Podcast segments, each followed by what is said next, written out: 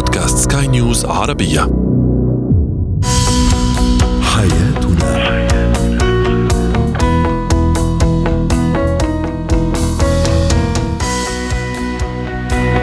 مستمعينا الكرام أهلا بكم إلى برنامج حياتنا برنامجكم اليومي الذي يعنى بشؤون الأسرة وباقي الشؤون الحياتية الأخرى والذي يمكنكم الاستماع اليه عبر منصة البودكاست لسكاي نيوز عربية معي أنا طيبه حميد.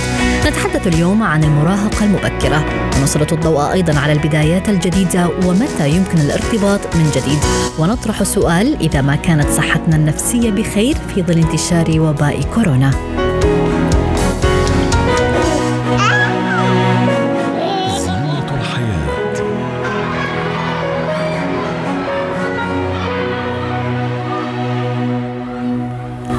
الحديث عن تغير سلوكيات الأطفال في وقتنا الحالي أصبح من الأحاديث والأفكار المتداولة الآن في نطاقات واسعة من المجتمع، والفكرة المنتشرة الآن إن الأجيال الحالية هي أجيال يصعب السيطرة عليها وتهذيبها بالطريقة نفسها التي تم التعامل بها مع الأجيال السابقة، فمعظم الأطفال الآن يتعاملون بقدر كبير من التمرد على الآباء، ويرجع الكثيرون ذلك إلى بدء نضج الأطفال والدخول إلى سن المراهقة في سن مبكرة مثلا.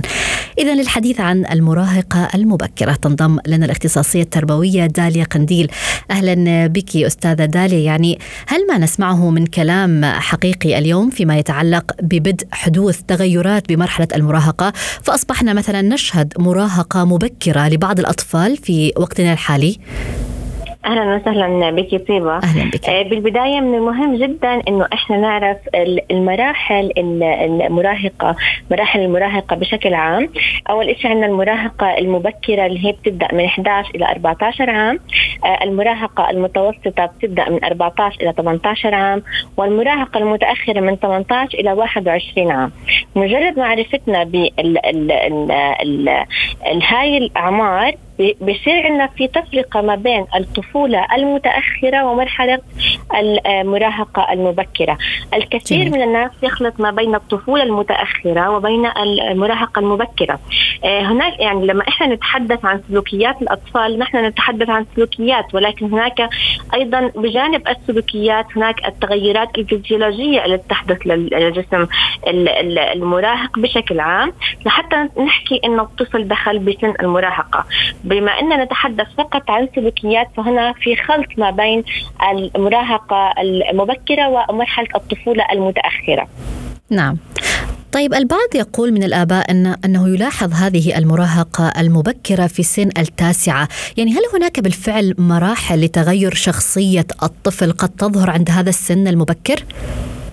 نعم هلا اللي بيلحظوا بعض الآباء من مراهقة مبكرة أو مظاهر المراهقة المبكرة عند أطفالهم بتكون هي هاي مرحلة الطفولة المتأخرة واللي بتكون عادة تتميز بش- بتشابه كبير جدا مع سمات مرحلة المراهقة المبكرة اللي بتعقبها آه، يعني تماما آه، يعني تعقبها يعني مثلا هلا بس تنتهي المرحلة ال- الطفوله الطفولة المتأخرة بتعقبها على طول المراهقة المبكرة. طبعا مرحلة الطفولة المتأخرة هي بتكون آخر مرحلة من مراحل الطفولة وبتبدا من سن 8 سنوات إلى 12 عام. بهاي المرحلة بميل الأطفال لإنهم آه، لا ينتموا يعني بينتموا بشكل أكبر لمجموعات الأصدقاء أو ما يطلق عليها شلة الأصدقاء. آه، مثلا بنساعدوا للقو- لقوانينها. آه، بيبتعدوا عن سلطة الأهل وقيمهم. بيسعوا للحصول على مساحة أكبر من الخصوصية. وعادة إحنا بننصح الأهل بضرورة متابعة أطفالهم وإنهم يتقربوا منهم ويشرفوا على علاقاتهم واختيار أصدقائهم. بهاي المرحلة بالذات لإنها مرحلة حساسة جدا وبتحكم بشكل كبير جدا على شخصية الطفل في مرحلة المراهقة. آه، اللاحقة من أهم هاي السلوكيات أو السمات السلوكية لمرحلة الطفولة المتاخره عند الأطفال بيكون في عندنا الخجل العناد التمرد العصبية جميل. الشديدة. هاي من أهم ال- المظاهر بالطفولة المتأخرة. يعني بمعنى آخر مش معناها إنه الطفل ظهرت عليه هاي السلوكيات نحكي إنه هو دخل بمرحلة المراهقة آه، المبكرة وربما تكون هذه من الأخطاء الشائعة في الوقت الحاضر. الأطفال أصبحوا ناضجين أكثر في وقتنا الحاضر بسبب بسبب التطور التكنولوجي الهائل أصبح في أكثر من مؤثر بشخصية الطفل سواء كان من مؤثرين ال social media سواء كان مؤثرين خارج المنزل. فهذا كله بيأثر على شخصية الطفل وبيأثر على نضجه مقارنة بسابقا لما كانت الأسر تعتمد على التراتبيه الأسرية مثلا إذا كان الأب هو صاحب السلطة ولكن في الوقت الحاضر أصبحت الأسر مستقلة نوعا ما وأصبح هناك أكثر من مؤثر يؤثر بشخصية يعني هل نستطيع القول هل نستطيع القول أن التكنولوجيا والزمن الذي نعيش فيه من مواقع التواصل الاجتماعي وما إلى ذلك هي تلعب دور بالفعل في تنشئة آه هذا الطفل أو لتعرضه للمراهقة نعم. المبكرة؟ نعم يؤثر بشكل بشكل كبير جدا بمرحلة الطفولة المتأخرة وبداية مرحلة المراهقة المبكرة بسبب تشابه بهذه السمات. أثر بشكل كبير جدا على شخصياتهم أثر بشكل كبير جدا على نموهم العقلي والنفسي أيضا فأصبح الأطفال وقتنا الحاضر ناضجين بشكل كبير. نعم. جميل. طيب باختصار يعني كيف يمكن أن نتعامل مع هذه المرحلة المبكرة من المراهقة؟ مهم جدا أن يكون في يعني في قرب من قبل الوالدين اتجاه أطفالهم، يعني نتفهم مرحلتهم العمرية، نتعاطف معهم، نقترب منهم، نبتعد عن التوبيخ، نبتعد عن العنف، نزرع في فيهم الثقه بالنفس، القدرة على اتخاذ القرار، مهم جدا.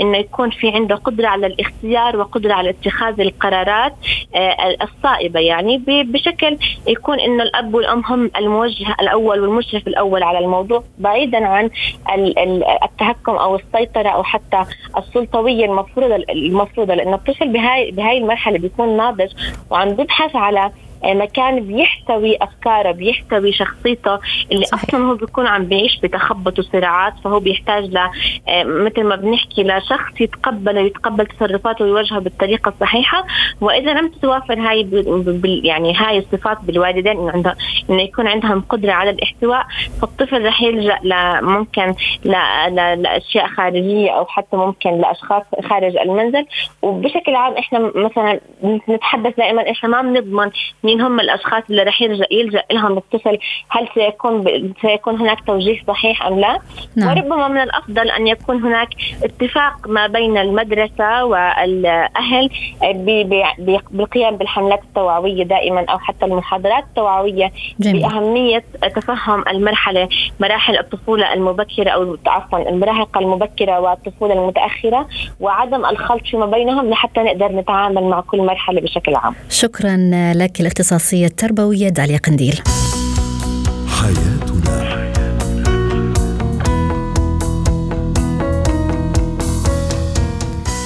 أهلا بكم مستمعينا الكرام من جديد أنتم تستمعون لبرنامج حياتنا برنامجكم اليومي الذي يعنى بشؤون الأسرة وباقي الشؤون الحياتية الأخرى والذي يمكنكم الاستماع إليه عبر منصة البودكاست لسكاي نيوز عربية. معي أنا طيبة حميد.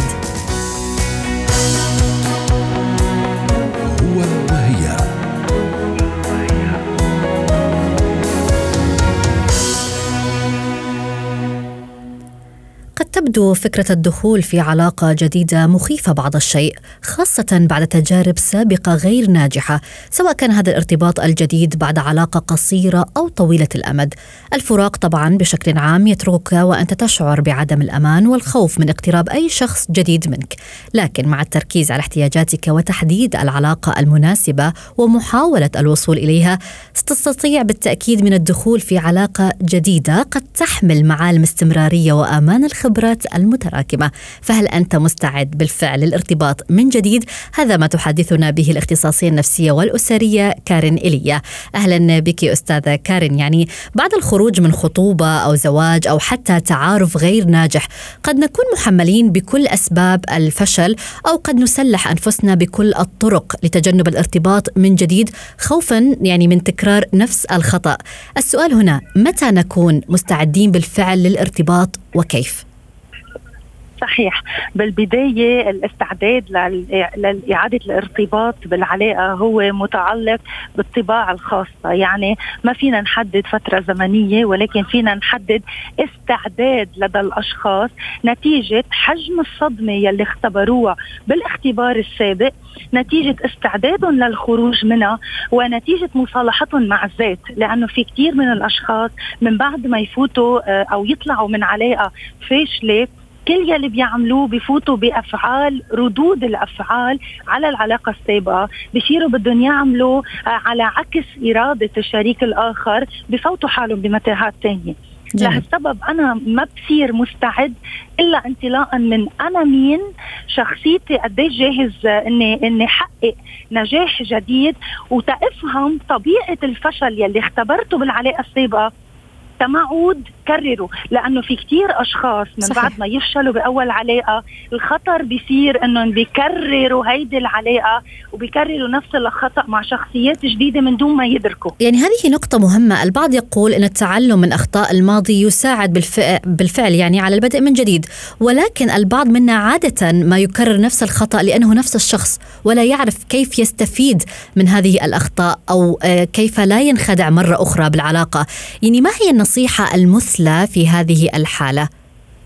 نعم خلينا ننتبه لشغلة مهمة إنه آه، أنا مش دائما بنخدع بالعلاقة الجديدة إذا كنت أنا تارك بعلاقة سابقة لأنه نحن دائما المسؤولية بفشل العلاقة مثل المسؤولية بنجاحها هي 50 50 المسؤولية أو يمكن آه، فوارق شوي آه، نسب مئوية مختلفة ولكن أنا تقدر أعمل اختبار جديد من دون ما أكرر خطأ الماضي.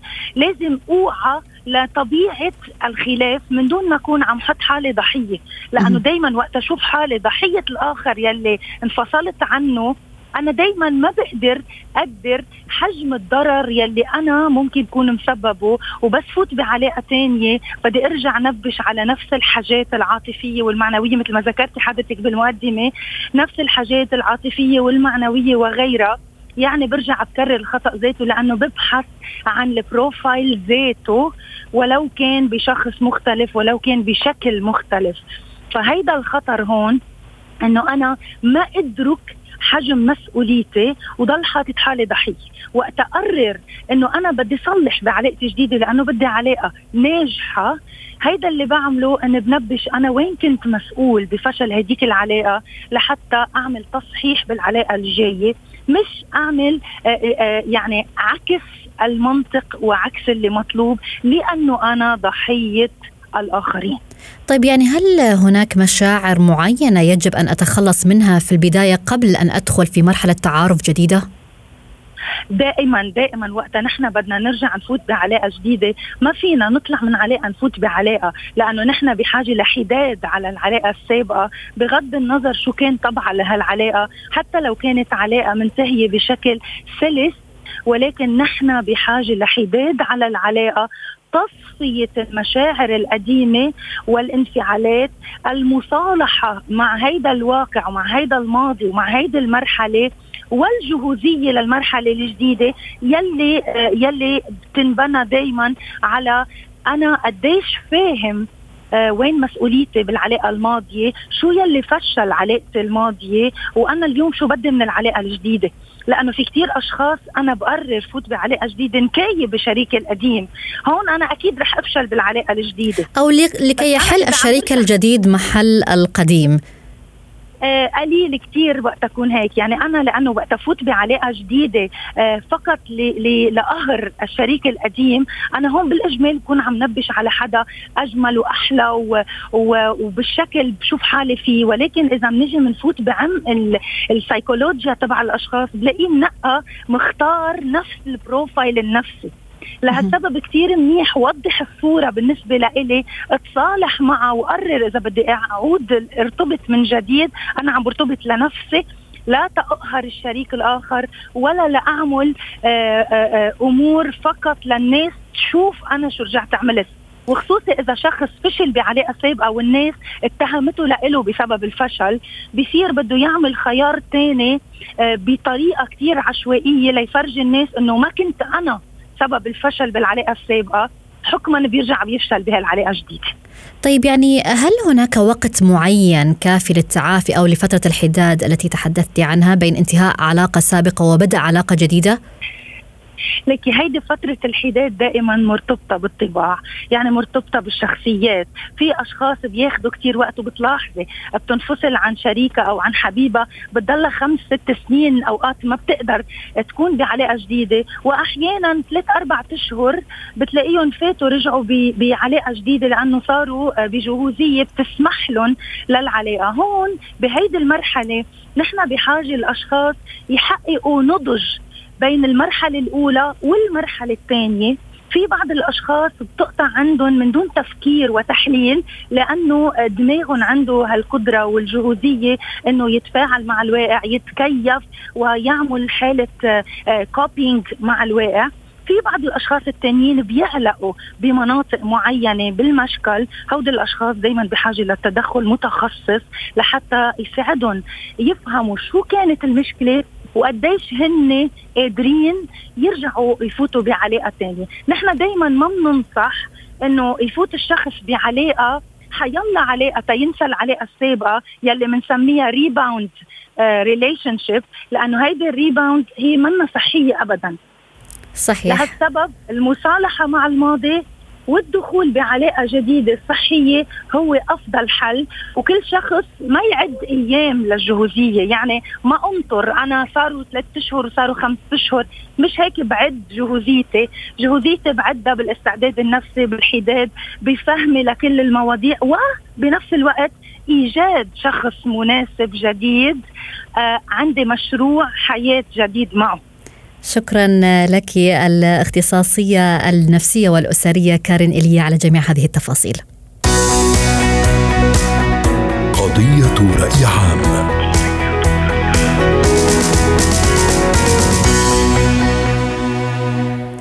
دراسات عدة ولقاءات طبية عرضتها وسائل الإعلام ومواقع التواصل الاجتماعي تتحدث فيها عن تداعيات فيروس كورونا على صحتنا النفسية والعقلية. تساءل البعض هل نفسيتنا بخير؟ وهل نخوض حربا يحاول فيها فيروس أن يرعبنا ويسيطر علينا أكثر فأكثر؟ للحديث عن أثر فيروس كورونا على صحتنا العقلية ينضم لنا استشاري الطب النفسي دكتور نادر ياغي. أهلا بك دكتور نادر، يعني دعني أبدأ معك من حيث انتهت المقدمة، هل نفسيتنا بخير اليوم؟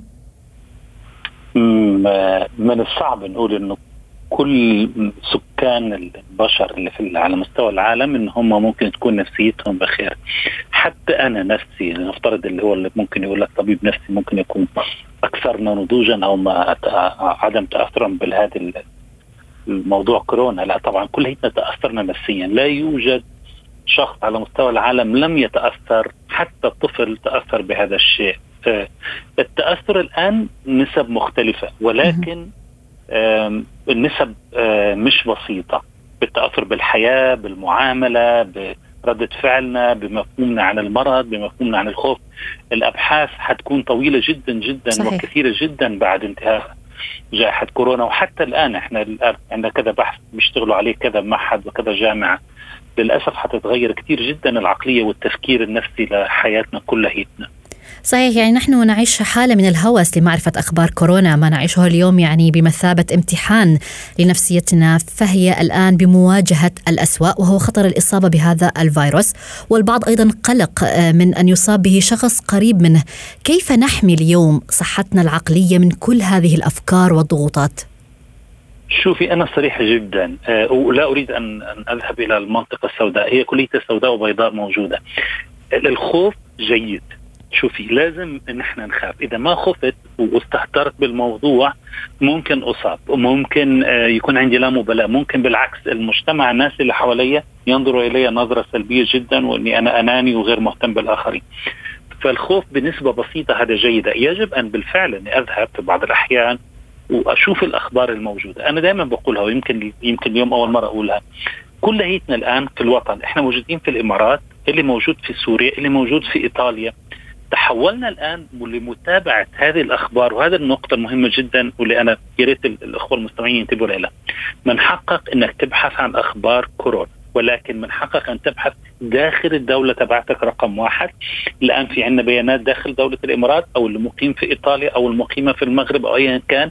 الآن المتابعة من حقك أن تتابع الأخبار المتعلقة بالدولة اللي أنت موجود فيها. ما تفكر زيادة عن اللازم في اللي حصل في الصين واللي حصل في أمريكا وحنروح لموضوع أكبر وإنها قد تكون مؤامرة ونخش في موضوع سياسة ونخش في موضوع اقتصاد. الآن التوجه دائما بقول إنه ما حمنعك وهذا الشيء يجب أن تفعله ولكن بنسبة بسيطة إنك تتابع الأخبار التي لها علاقة بالدولة اللي أنت مقيم فيها وتتبع الإجراءات اللي هي بتتخذها الدولة المقيم فيها، في دول معينة فتحت، في دول مسكرة.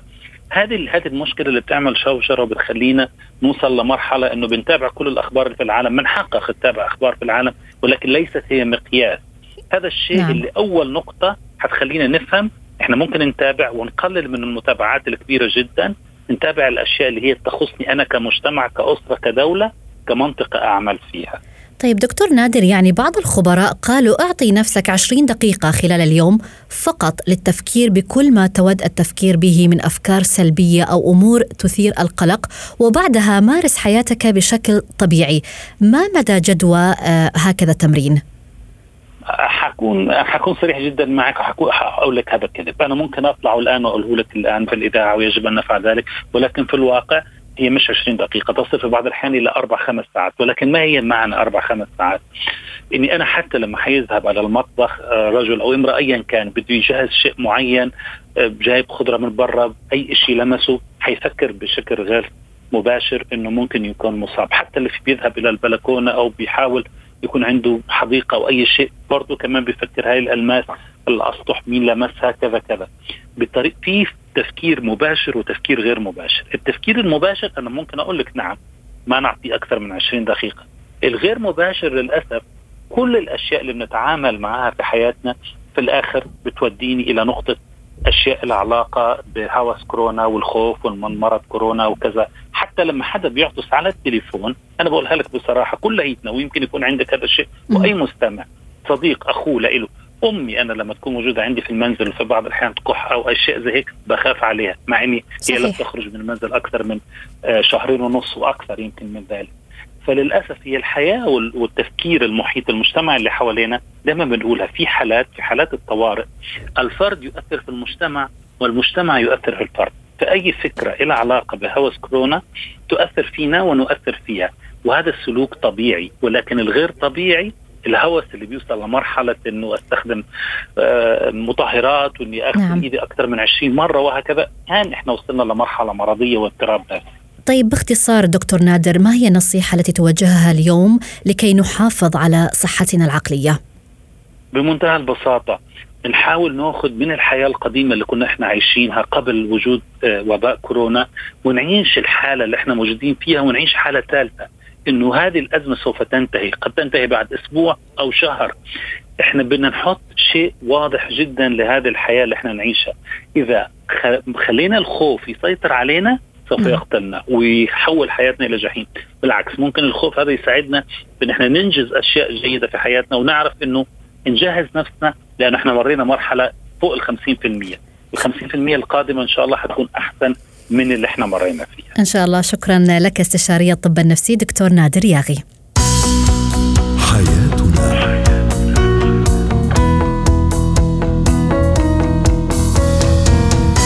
إلى هنا نصل وإياكم مستمعينا الكرام إلى ختام برنامج حياتنا غدا حلقة جديدة.